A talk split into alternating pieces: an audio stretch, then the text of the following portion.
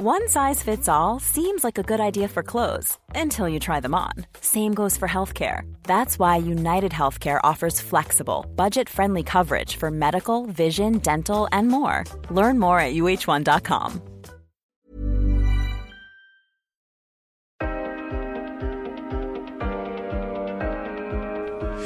inte så många gator i varje stad som lyser om natten. Det är inte så många gator i stad som lyser om natten. Det är inte så många gator i varje stad som lyser om natten. Men en kicker som du kan väl bygga en annan väg om du får en linjalteckning av mig.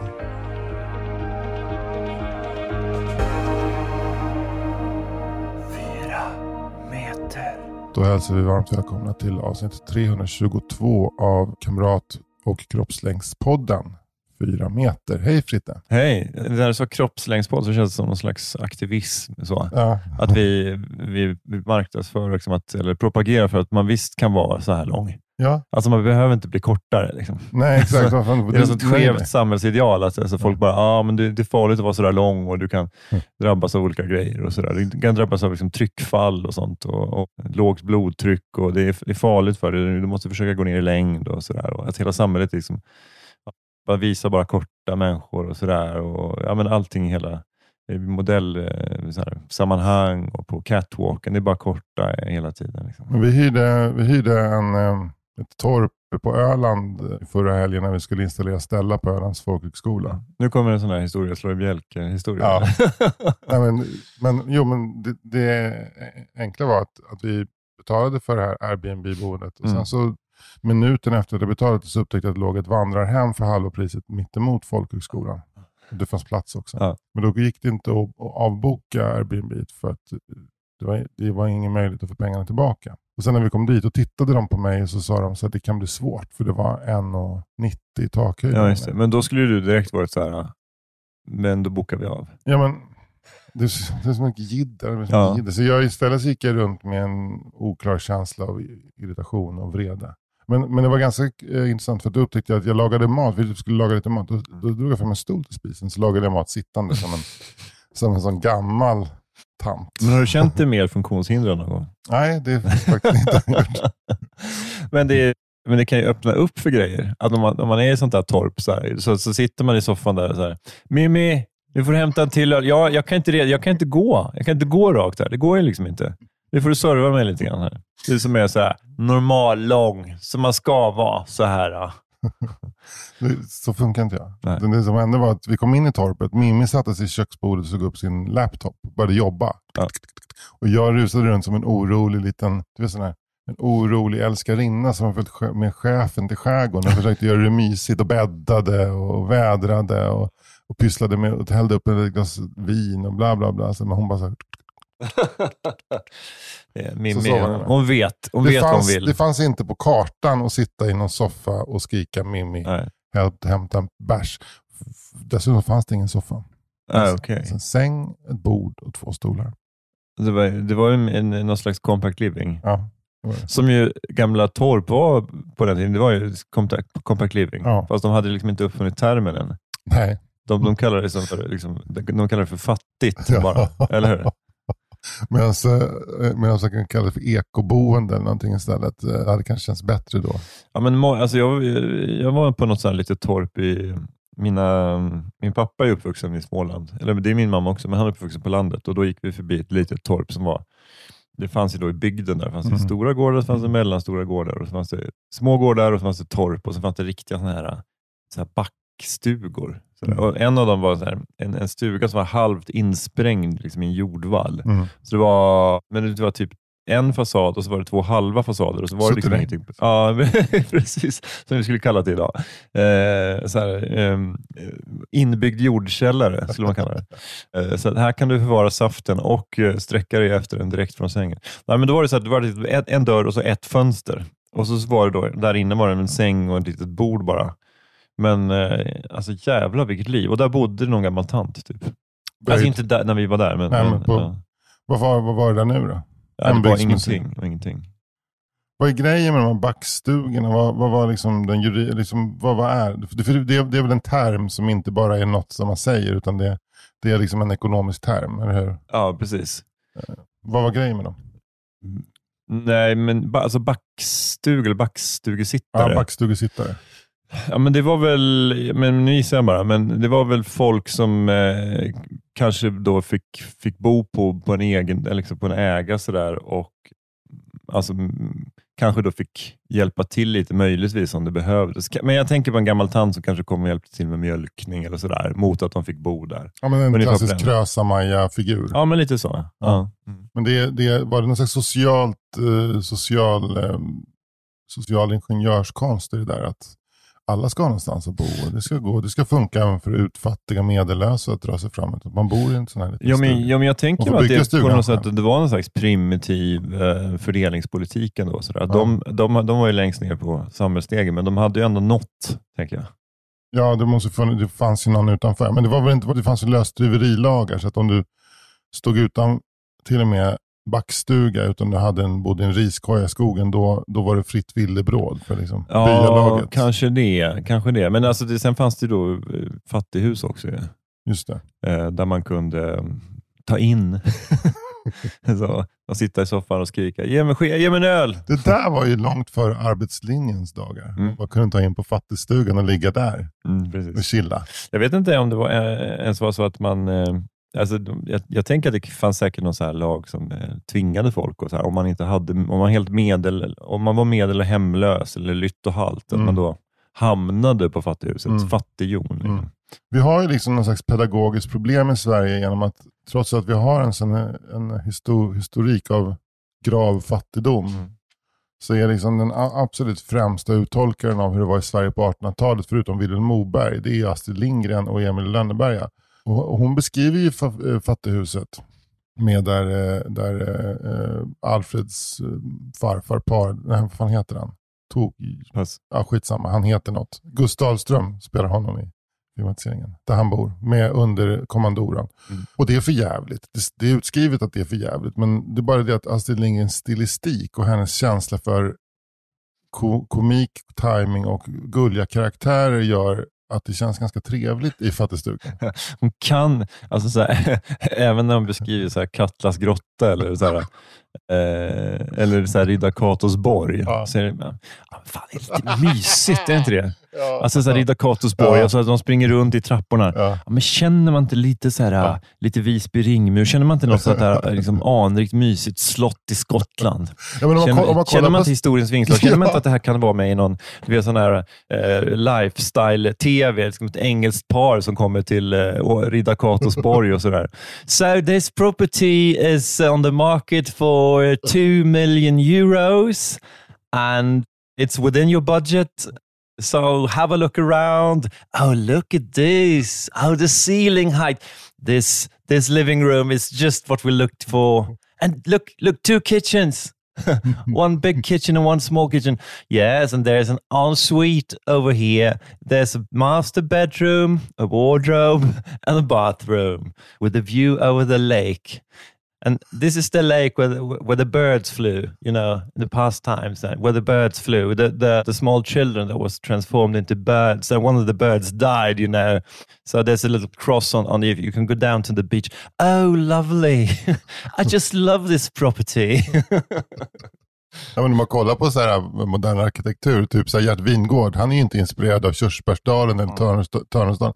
Han är inspirerad i sin arkitektur av Karamanjaka. Liksom grå betong, alltså så som det såg ut när där, där, där eh, Skorpan och Lillebro pustade ut efter fighten mot Katla. Så. Ja. så. Men jag tänker Lite att... bohuslänskt, Ja, ska säga. Men jag tänker så här, att är det någon som har skrivit en avhandling om så arkitekturen i Astrid Lindgrens värld? Nej, det är, tror jag tror inte det. Alltså, jag tycker fortfarande att Astrid Lindgrens värld är ganska outforskad. Mm. Därför att vi är så rädda för att stöta oss med Astrid Lindgren. Eller framförallt, vi är så rädda att se den verkliga Astrid Lindgren. Men är vi inte i själva verket rädda för att få stämningsansökan från Saltkråkan Ja. AB? Möjligt. Möjligt. Livrädda liksom att de- Astrid Lindgren skickar några av sina advokater som faktiskt ser ut ungefär som, som Tengil-soldater. De har, de har gjort det till en grej. De kommer med samma hjälmar Jag skulle säga så att, att jag tror inte att man, du behöver, du behöver, inte, du behöver liksom inte skylla på Saltkråkan AB, utan det räcker med den samlade kulturredaktionen på Expressen och liksom hela du vet, så här, eh, Svenska barnboks-Sverige som äl, bara älskar Astrid Lindgren, men av fel anledning på något sätt. De älskar inte för hennes arkitekturskildringar. Nej, men inte, men också, jag, nu läser jag, eh, för mitt höga nöjes skull, i sommar har jag faktiskt läst in mig på Karlsson på taket. Mhm. Som är kanske en, en, en bokserie som inte är så eh, omtyckt. Eller så, liksom, den, den är inte uppe bland med Emil Madicken och Pippi Långstrump. Utan, Men läste du den för att förstå hur ryssarna tänker i Ja, Ukraina? Ja, men typ. Men ska vi är- säga då att, att eh, Karlsson på taket är den absolut mest Ja. överlägset mest populära Ja. Astrid Lindgren-boken i Ryssland. Ja. Av någon anledning. ja, eh, ja det, jag försöker förstå varför faktiskt. I resten av världen så är det väl Pippi, tänker jag, ändå, som är... Ja, jag Populärast. tror att, eh, att Emil är väldigt populär i Tyskland. Just Ja. på grund av det agrala. Liksom. Ja, men just det, hela Ja. den här, eh, de röda stugorna och... Det är inte så Ja. mycket älg, Emil, kanske, men alltså, som, Nej, det Tyska- förekommer inte en enda ja, älg. men tyskarna, de, de är väl fan, så här, kan vi, liksom, kan vi så här, be, nu, jag vet inte om Björn Berg, om han lever, Han är död. han är död, men som Björn Bergs dödsbo, Ja. att de kan liksom så här, omärkligt rita in lite älgar i bakgrunden. när Emil ska, eller vet du, när han blir jagad av tjuren, där, så, då kan det stå liksom en älg lite längre bort och titta lite oförstående. Okej, vad, vad, what's all the fuss about? Vet du att jag har en kompis, Tobbe Berg, Mm. som är, han är väl 63 bast idag. Han, han är son till Björn Berg. Ah, okay, Och ja. han var också förebilden för Emil Lönneberga. Ah, fan vad mysigt. Och ja. det roliga med Tobbe är att det, det, går inte att missa att Emil Lönneberga. Han är fortfarande extremt, han ser precis ut som, ja, kanske kroppsligt har han blivit lite rundare, men den här speciella profilen med näsan och kinderna och håret, det är Emil i Lönneberga. det är häftigt. Alltså det är väldigt, väldigt gulligt. Nej, men, men jag, läste, eh, jag läser Karlsson eh, för mitt höga nöjes skull. Därför- Också lite för att känna att jag måste, liksom, om- om, man vill komma någon vart så måste man lära sig av mästaren. Och, och, och det måste jag säga att det är, Astrid Lindgren är ju, hon är mästaren. Mm. Det, är liksom, det går inte att snacka runt. Man benchmarkar mot Astrid Ja, faktiskt. Jag har svårt att se någon annan svensk eller, eh, ens i, i världen som jag har läst som är uppe där med liksom både humor och allvar. Men alltså, eh, Karlsson har fått ett oförtjänt sett dåligt rykte som jag tror mycket beror på den ganska eh, undermåliga filmatiseringen som Olle Hellbom gjorde på 70-talet och ännu värre den animationen som gjordes i början på 00-talet där Idon Wikland krävde att man skulle följa hennes design till punkt och pricka. Eh, men det som grejen med Karlsson, det är ju det roligaste hon har skrivit. Alltså hon är ju uppe med Mosebacke monarki Mm. i humor. Jag tror, tror att hon varit inspirerad av Hasse och Tage. Nej, det kan hon inte vara för de skrev de första på 50-talet. Mm. Men det är, en, det är liksom en språklig humor som är... Kanske var inspirerad av Crazyn. Ja, men, men hon var ju mycket, hon var ju väldigt mycket ute och reste och tittade sig omkring. Och så här, men någonting, någonstans, någonting har inspirerat henne. Alltså det är väldigt roligt. Det, du, du hittar inte så rolig barnlitteratur idag. Nej. Inte ens av mig. Wow. Men så tajt, framförallt dialogmässigt. Nej. Och med den här karaktären som är helt jävla bindgalen som dyker in i en vanlig medelklassfamilj på, i Vasastan 1953. Liksom. Han, är, han är totalt helt gränslös. Ja. Fullständigt gränslös. Och inte speciellt snäll. Nej, men det är väl det som är lite charmigt också, va? Att han inte är någon hjälte eller en god, utan han, han är Ja. som han är. Ja, verkligen. verkligen. Ja, ja, men men eh, då, då känner jag så här, ja, det här, det här enorma humorismen som är liksom beyond klurigt och något som passar i tankar för dagen, humorismen. Alltså man slänger ju upp olika citat av Astrid Lindgren. Så här, den som är väldigt stark måste vara väldigt snäll. Det är kanske det är Bamse, men eh, den typen av Vad säger Karlsson? Jag är bara en, man i mina bästa... Man i lagom bästa- tjock man i mina bästa år. Just Sen är han bäst Ja. i världen på saker och ting. Just Sen tycker han om Ja. att luras. Ja. Men, eh, men han liksom uppvisar något, en- lite så här äh, megaloman, lite narcissist. Han är ju lite så här, äh, han har ju någon Ja, hon har ju personlighetsstörning. hittat en person med grav personlighetsstörning. Ja. Men det, han, han tycker det är kul att filura, alltså lura. Så då finns det en scen när han tar med sig lillebror ut och så flyger de runt, det här är på 50-talet. Och så hittar de en lägenhet där det ligger en unge och skriker alldeles ensam. Och eh, det tycker Karlsson är jättespännande. Han, nu ska vi in och kolla den här ungen och vi ska förlura hans mamma och pappa. Som då inte är i lägenheten. De Ja. är liksom ensamma. Eller barnet är ensamt, ligger och skriker. Och då så, eh, ja, han, han är ju världens bästa, världens bästa barnskötare säger han. Så går han ner till och så säger han så här, sådana här små ska man peta i magen och säga plutti plutti plutt. Och så gör han det och barnet skriker ännu mer. Då skriker han plutti plutti plutt sa jag. och så ruskar han barnet. Åh jävlar. Lillebror, lillebror får Ja. ju gripa in och Ja, liksom ja. sjunger en vaggvisa. De bäddar om barnet. Ja. Karlsson äter upp alla matresterna i köket. Mm. Och sen städar de lägenheten och så drar de och sen så spionerar de när mamman kommer hem och, Ja. och ser gravt chockad ut. Ja, ja, men det, det är en, den scenen är, eh, jag, jag känner inte att jag gav, återgav den med rättvisa, men den är hysteriskt rolig och Ja. ganska hemsk. Ja, men det är också så här barnmisshandel på två sätt. Dels att lämna ett barn ensamt Mm. på sätt som man inte gör idag. Dels så här shaken baby syndrome. Ja, som, han- Karlsson håller ja, på med. Som han blir en så här, äh, talesman för. Men så det är också den lilla humoristiska knorren i Plutti Plutti Plutt, sa jag. Så sa ju, sa ju till dig. Framgick inte Ja, budskapet? precis. Jag har sagt tusen gånger. Plutt, plutt, plutt. Vad roligt. Det är Ja. en, en annan kul grej med Astrid Lindgren är ju det här liksom fixeringen vid Vasastan. Alltså att hon Ja. bodde i Vasastan, men hon kan liksom inte... Ah, ska, ska, men ska den här utspela sig på Östermalm då kanske? Eller Gamla stan? Eller, eller Nej. kanske på Söder? Nej, jag tar Vasa... Mio Mio Mio, Vasastan. Mm. Bröderna Lejonhjärta, Vasastan. Alltså Men det början. är inte början. ta- nej, nej, Är det inte? nej, snarare Vimmelby. Vimmerby. Bröderna Lejonhjärta? Ja, Bröderna Lejonhjärta är ju en sta- stadsmiljö, men det är en trästad. Det är inte, det skulle säga, det, Skämtar det, filmatiseringen kan eventuellt vara gjord i... Du menar alltså de bor inte i Stockholm? Alltså? Nej, jag tror inte det. Okej. Men, eh, men jag kan ha, jag kan ha Ja. gravt, Men gravt okej, fel. men då, då, kanske jag, då får jag ta, ta tillbaka min spaning då, för Ja. två liksom gör Nej, inget gör exempel. ingenting. Men Mio bor ju absolut i Vasastan. Ja. Nej, det är en dålig spaning faktiskt. Men, eh, men eh, Mio med Mio, det, är, det är ju Tegnérlunden, absolut. Och, Var ligger Bråkmakargatan då? eh, jag vet inte, men det är ju villastaden. Det skulle kunna vara Gamla Enskede, men Ja, hon har ju en fäbless för Äppelviken också. Precis, och sen är det ju då också hemma på min gata i stan. Vad vet Det är? Äppelviken. Är det också Äppelviken? Eh, nej, Äppelvik, fan, Äppelviken är ju där familjen Melkersson bor. De Ja, bor i. Äppelviken, Ja, men hon bor nog inne. Hon kan, hon kan Bor vara, Stina Vasastan. kan vara. ja, Så jag kanske börjar bygga upp ett case igen. Ja, om du, om du stärker eh. Stinas Kanske Vasastan. Kavat då? Eh, det, ju, eh, det måste ju vara Vim, Småland. Ja. någonstans i Och. Madicken är också såklart småstad. Ja, Okej, hon rör sig mellan småstad och Vasastan. Kan Ja. rör- Småstad och Vasastad rör de sig mellan. Ja. Ja, nej, fan. Men det, är- ibland så när man kommer på en spaning mitt i, liksom man fångar en spaning i luften så kanske den inte håller hela Nej, men det vägen. är också lite så här, du, du prövar ju, vänster, du prövar ju liksom stark motståndskraft jag har mot det. Jag skulle Ja. ju kunna gå med på det här och liksom du börjar så svamla om att Ronja utspelar sig i Vasastan. Jag bara, mm, precis. Helvetesgapet där nere i Atlasområdet, ja, när de kastar sig fram och tillbaka över Sankt Eriksplan. Just det. Ja. Och, så här, och vildvittrorna är liksom i själva verket horor på Surbrunnsgatan.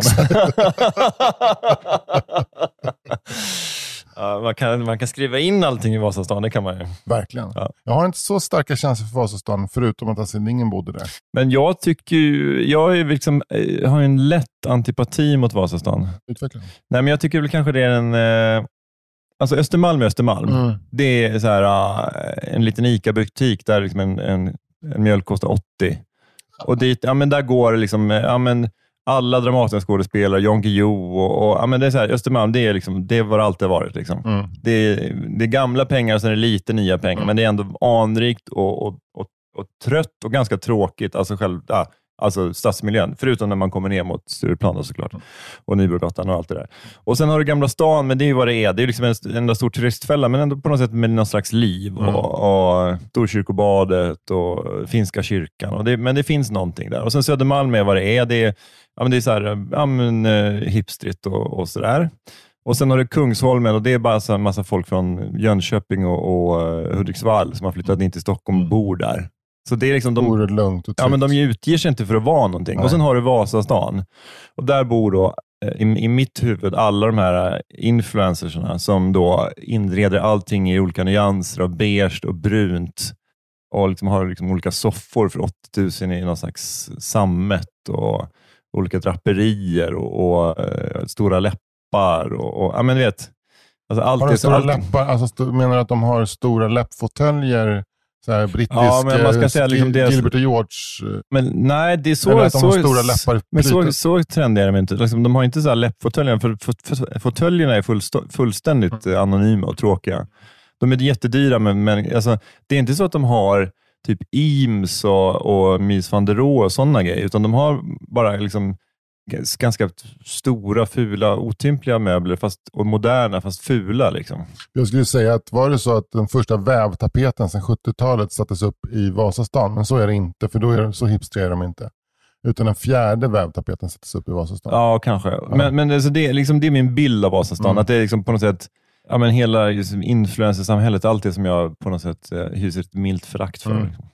Så det är, min, det är min bild av stadsdelar i Stockholm. Innerstadsdelarna.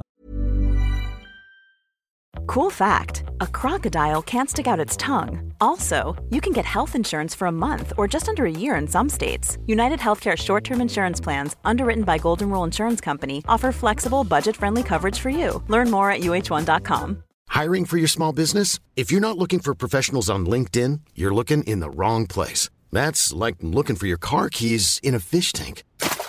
LinkedIn helps you hire professionals you can't find anywhere else, even those who aren't actively searching for a new job but might be open to the perfect role. In a given month, over 70% of LinkedIn users don't even visit other leading job sites. So start looking in the right place. With LinkedIn, you can hire professionals like a professional. Post your free job on linkedin.com slash people today.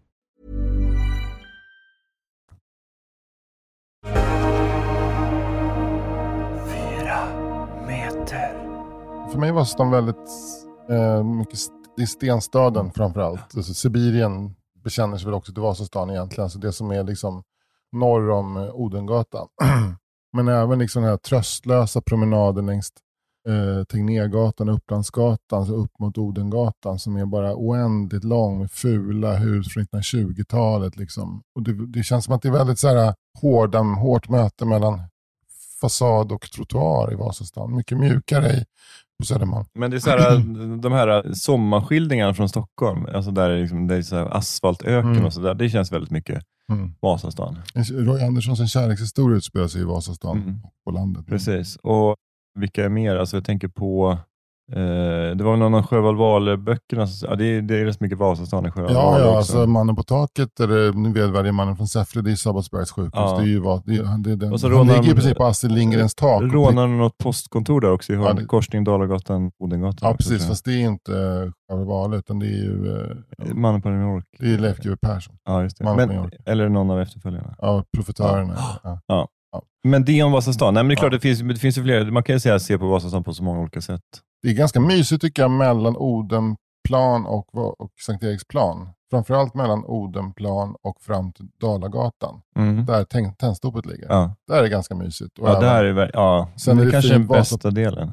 Och så Vasaparken där liksom hela den här äh, Karin af Klintberg, Schyffert, Fredrik Lindström, Fredrik Reinfeldt-palassen bor. Mm. I, i, vid St. Harrys konstmuseum och gamla sjukhusbyggnaden där som de har gjort om till svindyra bostadsrätter. Mm. Där skulle man kunna ha en sån här kändisvandring. Ja, Där man var går och pekar. Så. Ja, kanske man inte får. Det kanske är en sån här GDP. det kom ett gäng från Bagarmossen och tittade på kändisar. Går runt med en snubbe med hoodie som bara, där bor Fredrik Lindström. Där, Carl-Johan Wallgren. Du vet, eh, poeten och Författaren. Ja, när man bor i Vasastan. Carl-Johan Wallgren var det ett tag som man hörde någonting av. Ja, faktiskt. Eller hur? Han var Ja. lite i ropet ett tag där. Faktum är att vi pratade om Carl-Johan Wallgren häromdagen. eh, För att min kompis Thomas Andersson, vi hade träffat Carl-Johan Wallgren. Ja. Och eh, han skulle hälsa. Till dig? Ja, Okej. Mm. Så du har en relation med Carl-Johan ja någon slags relation med Men det är någonting, har, har, har han förekommit i podden?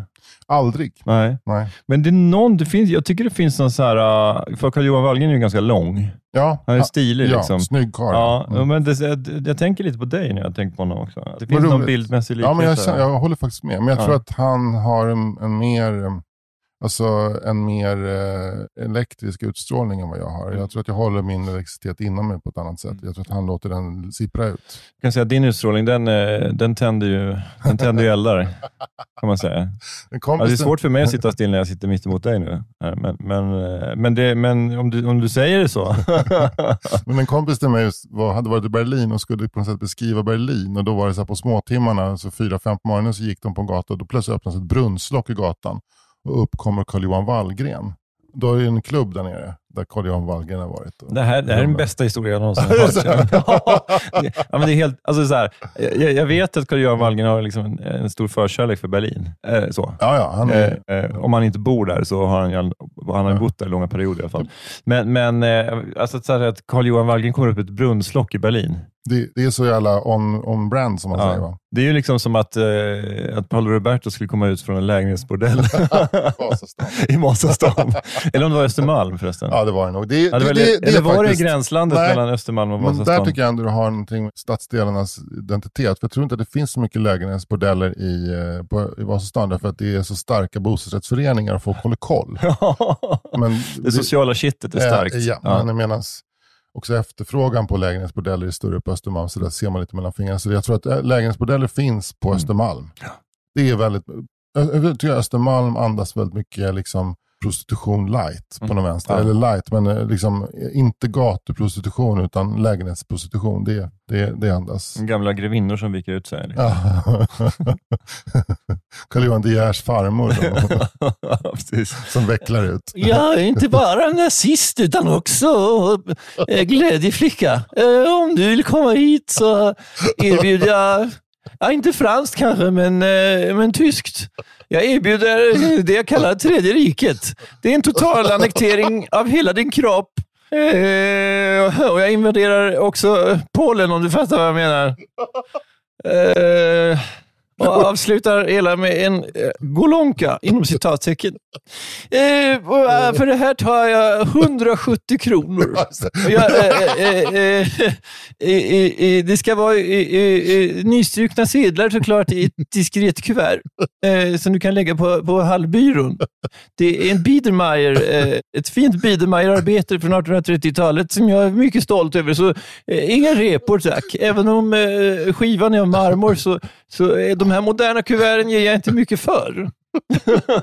Fan vad roligt. Du skulle kunna praoa hos Björn Karlberg.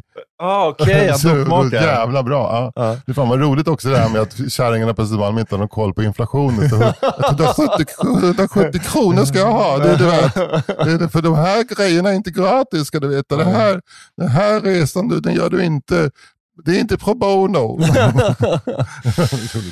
Eh, vad var vi någonstans? Carl-Johan Wallgren? Ja, Carl-Johan Wallgren. Men vad, vad, vad var hans claim? Vad hette den här boken som blev hans claim to fame? Den är vidunderliga kärlekens historia. Just det. Ja. Och det handlar om en väldigt ful man som I, älskade... Också i så här väl om, om brand, att det, det utspelar sig i, Kreuz, i Kreuzberg. Men det var Nej, liksom... Förlåt, i Königsberg. Ja, det är Königsberg. samma som Kreuzberg. Ja, Königsberg är ju, är ju det som är no, numera i Kaliningrad. Den utspelar sig i Königsberg. Det är alltså Emanuel Kants hemort, Ja, som alltså, då var en del av Ostpreussen. Ja, exakt, eh, som idag är en sovjetisk, eller en rysk, Rysk. enklav. Ja. Där, eh, där det går omkring tandlösa ungdomar och knarkar krokodil. Exakt. Tänk att det är det första man tänker på, Ja. en holy krokodil, det är Königsberg. Eller, Kro- eh, Ja, precis. eh, Men Kaliningrad. Kant vrider sig i sin grav. Ja. Om man förstår liksom hur, eh, hur Stalin och hans anhang har behandlat den gamla anrika Königsberg.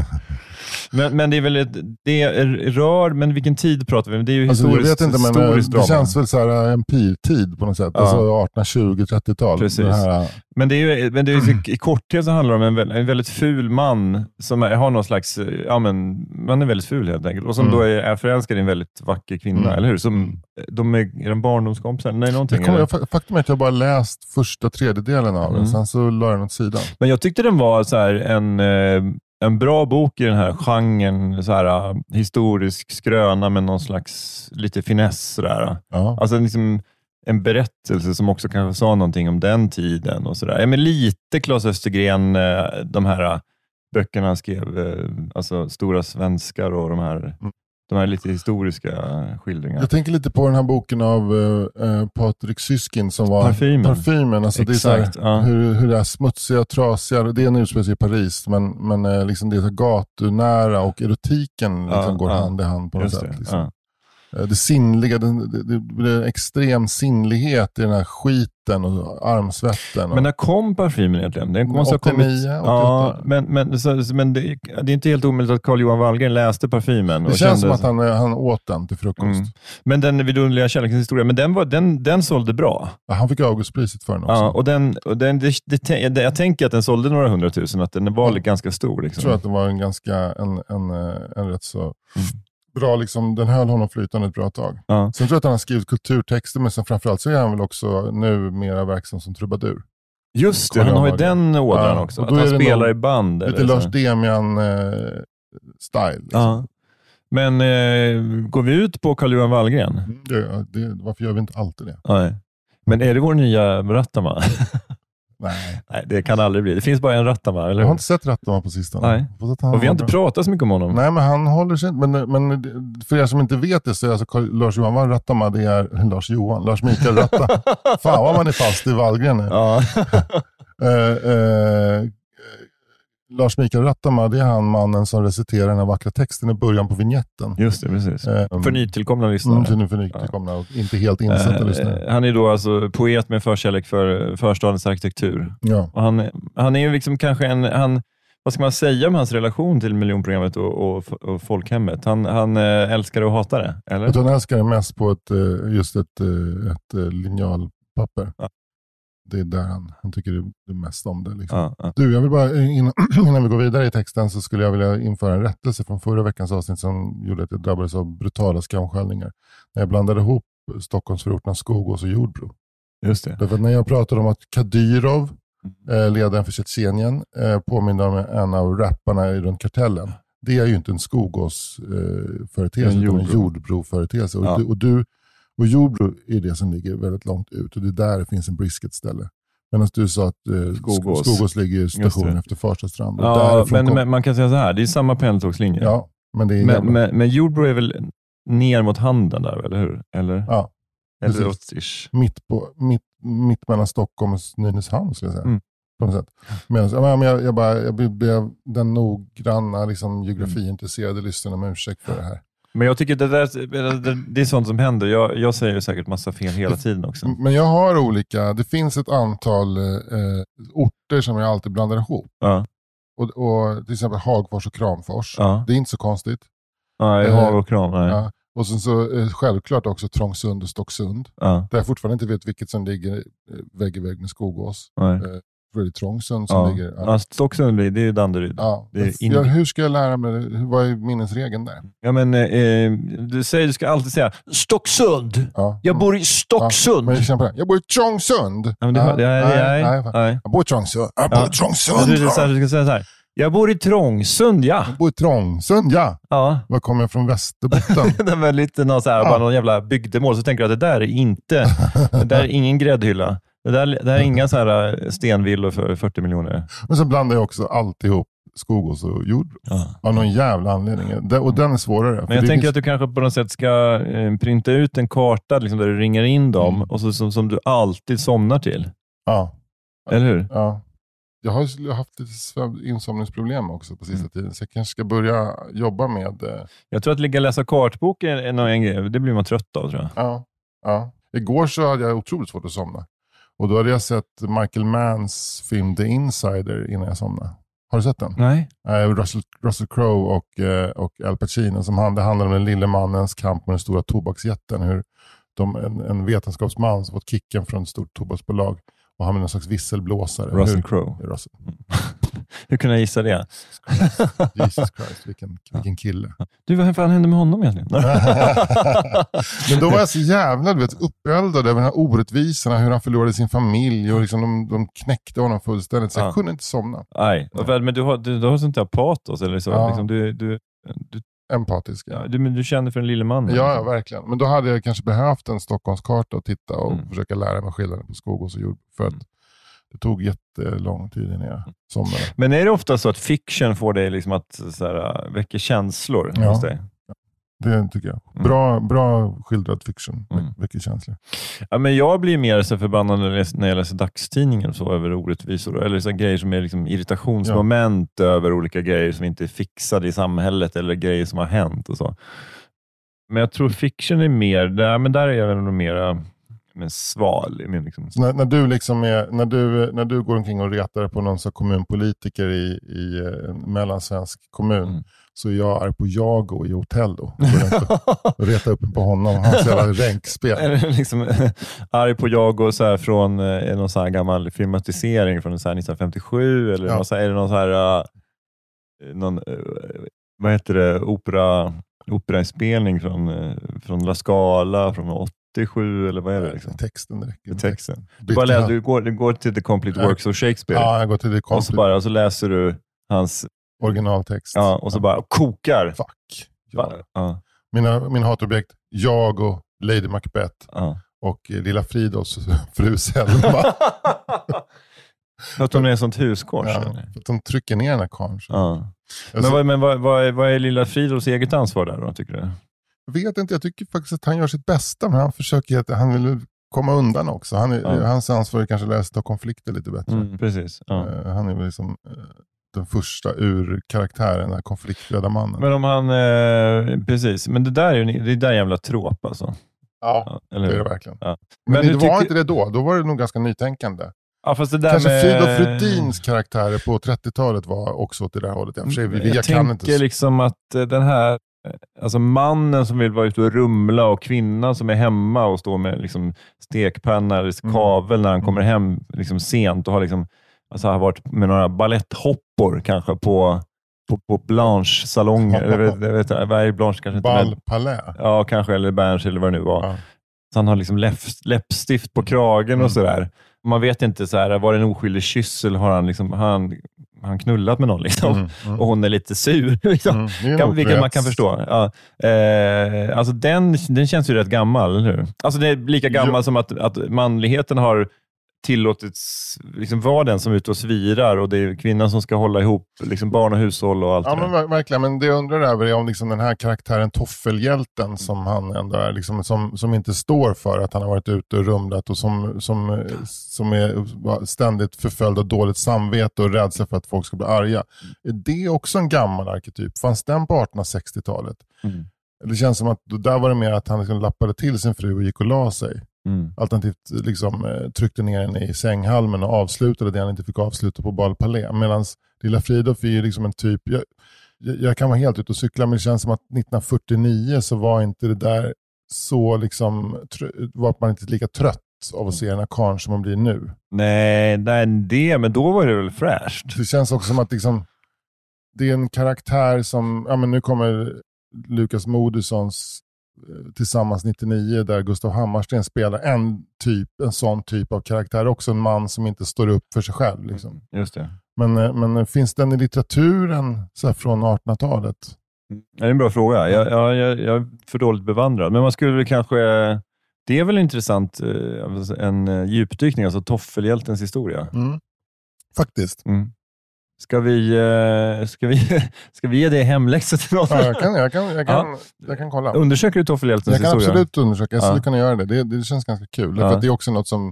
Det, känns lite svårt också. Alltså för att, eh, Ja, men det, kanske inte så beforskat. Nej, exakt. I litteraturforskningen. Nej, men då, då, då öppnar vi upp ett, då öppnar vi upp ett ämne, river upp en reva i den redan liksom stabila litteraturforskningen och säger det här, det här har ni inte gjort något. Nej, nej. Det här kanske kan bli min väg in i akademierna. Fan vad spännande. Men, men, eh, men vi har, det finns ju ett tröttsamt, en tröttsam kritik mot Stig-Helmer-figuren, Toffelhjältegubben. Stig-Helmer är något annat. Han är ju liksom en, en icke-aggressiv incel på något sätt. Liksom. Ja, men han är väl så här, eh, han är ju loser mer. Men, sen, men, men, men han är ju lucky loser för det, för att eh, av någon anledning så skriver ju Lasse Åberg alltid in att han får en tjej. Ja, och sen så måste han återställa honom till en, den eviga oskulden i början på nästa film. Ja, för då har det smugit sig. Ja, exakt. Ja. Och sen så har vi den här uh, toffelhjälten, så lilla Fridolf-typen. Eh, och sen så har vi Sune-pappan, klantpappan. Mm, som är med, med väldigt höga tankar om sig själv och som liksom alltid gör ett enormt comical drop som misslyckas med att, fixa packningen på kranar och laga bilen. Och, Men det är väl någonting man ser ofta i så här, eh, amerikanska sitcoms, att mannen är som ett misslyckande. Ja. Mannen är liksom också comic relief. Men, medan kvinnan är ju egentligen någon slags straight man. ja, Alltså både i hushållet och i komedin. Ja. Kanske Roseanne, jag vet inte om det är riktigt så där. Där, är hon, där tillåts hon vara lite mera... jag har faktiskt inte sett den. Ja, men hon, där är hon ju alltså hon är fortfarande den sammanhållande länken i familjen, men, men hon, är, hon är också witty. Liksom. Fast det är klart, det, det är kanske många Det, av dem är. att, att vara witty, det, det ligger aldrig på en eh, Svensson Svensson pappa eller på Rudolf Andersson eh, Mm. liksom, det, det, eh, eller Ica-Stig. De är liksom losers. Ja. Och jag, jag, det är otroligt lätt att halka in i den arketypen när man skriver därför att det är liksom på något sätt Hur tänkte du med Knyckert? Ja, det, det är en bra fråga. Jag, jag, jag eh, tycker inte att jag har utvecklat föräldrarna så bra där. Alltså Bove och Fia. Säg inte det högt bara. Ja, det, nu har jag sagt det. Ja. Jag tycker att fortfarande, alltså i filmerna så, så är de bättre utvecklade. Mm. Men jag är helt klart inne på eh, samma spår för att Bove är mycket mjukare. Och, men, men jag har inte byggt in den här inre konflikten i honom där han, han, har, där han liksom, eh, tror sig kunna saker han inte klarar av. Utan jag har, eh, låter honom vara någon slags här varm punkt bara. Mm. Medan Fia är den farligare, den, som är ex, den expansiva i familjen. Men det kanske du gör för att det är på något sätt en enkel väg, inte en enkel, men en väg att gå Eftersom då i verkliga livet så är det kanske då 99 procent av alla liksom brottslingar är män mm. och det, det, är männen som är farliga i samhället på mm, riktigt. Alltså, så, så vänder du på det då, tänker jag. Men, men eh, precis, och för att kunna göra den här barn, barnhistorien om en familj tjuvar så måste jag, liksom, jag måste ta bort alla vapen och alla droger. Mm. Framförallt. Allt våld, mm. fysiskt våld.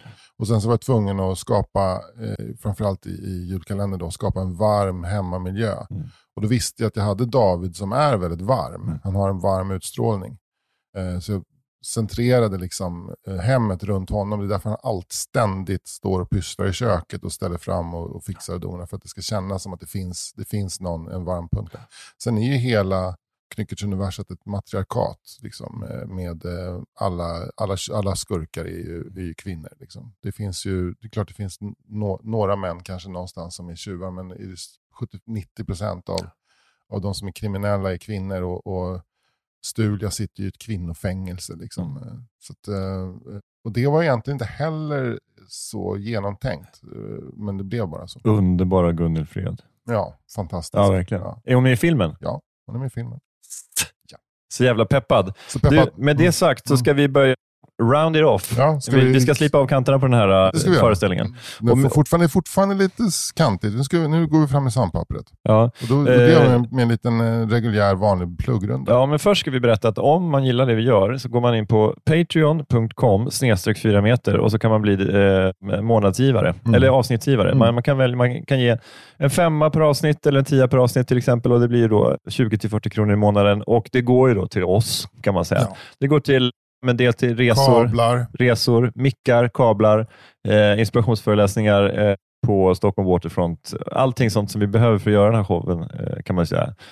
Så att gör gärna det. Eh, Patreon.com 4 meter. Vi kör igång oslipat höstsäsongen.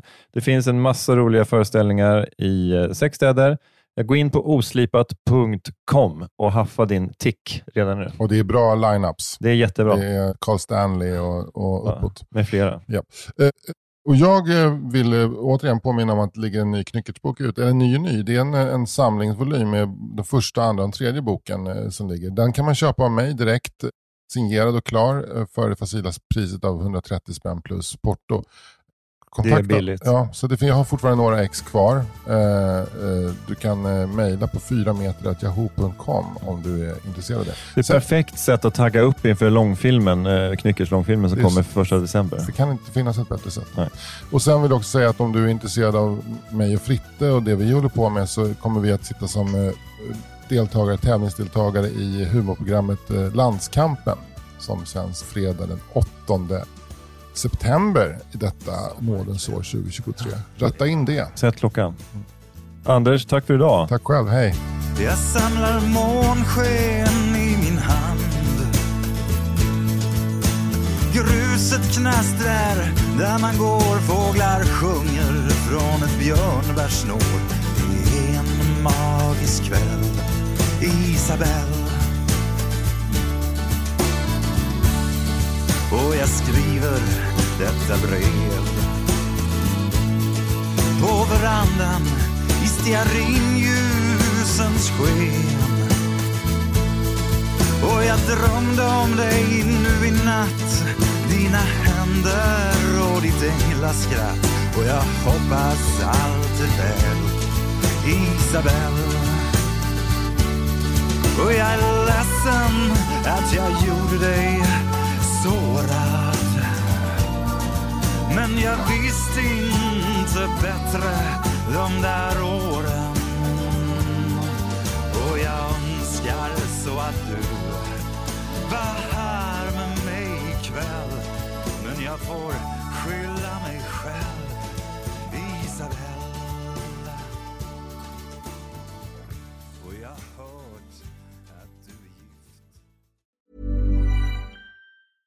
Planning for your next trip?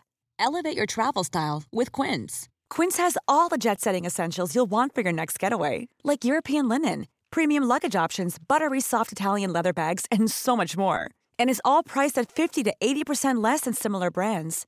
Plus, Quince only works with factories that use safe and ethical manufacturing practices. Pack your bags with high-quality essentials you'll be wearing for vacations to come with Quince. Go to quince.com/pack for free shipping and 365-day returns. Mom deserves the best, and there's no better place to shop for Mother's Day than Whole Foods Market. They're your destination for unbeatable savings, from premium gifts to show-stopping flowers and irresistible desserts. Start by saving 33% with Prime on all body care and candles. Then get a 15-stem bunch of tulips for just $9.99 each with Prime. Round out Mom's menu with festive rosé, irresistible berry chantilly cake, and more special treats. Come celebrate Mother's Day at Whole Foods Market.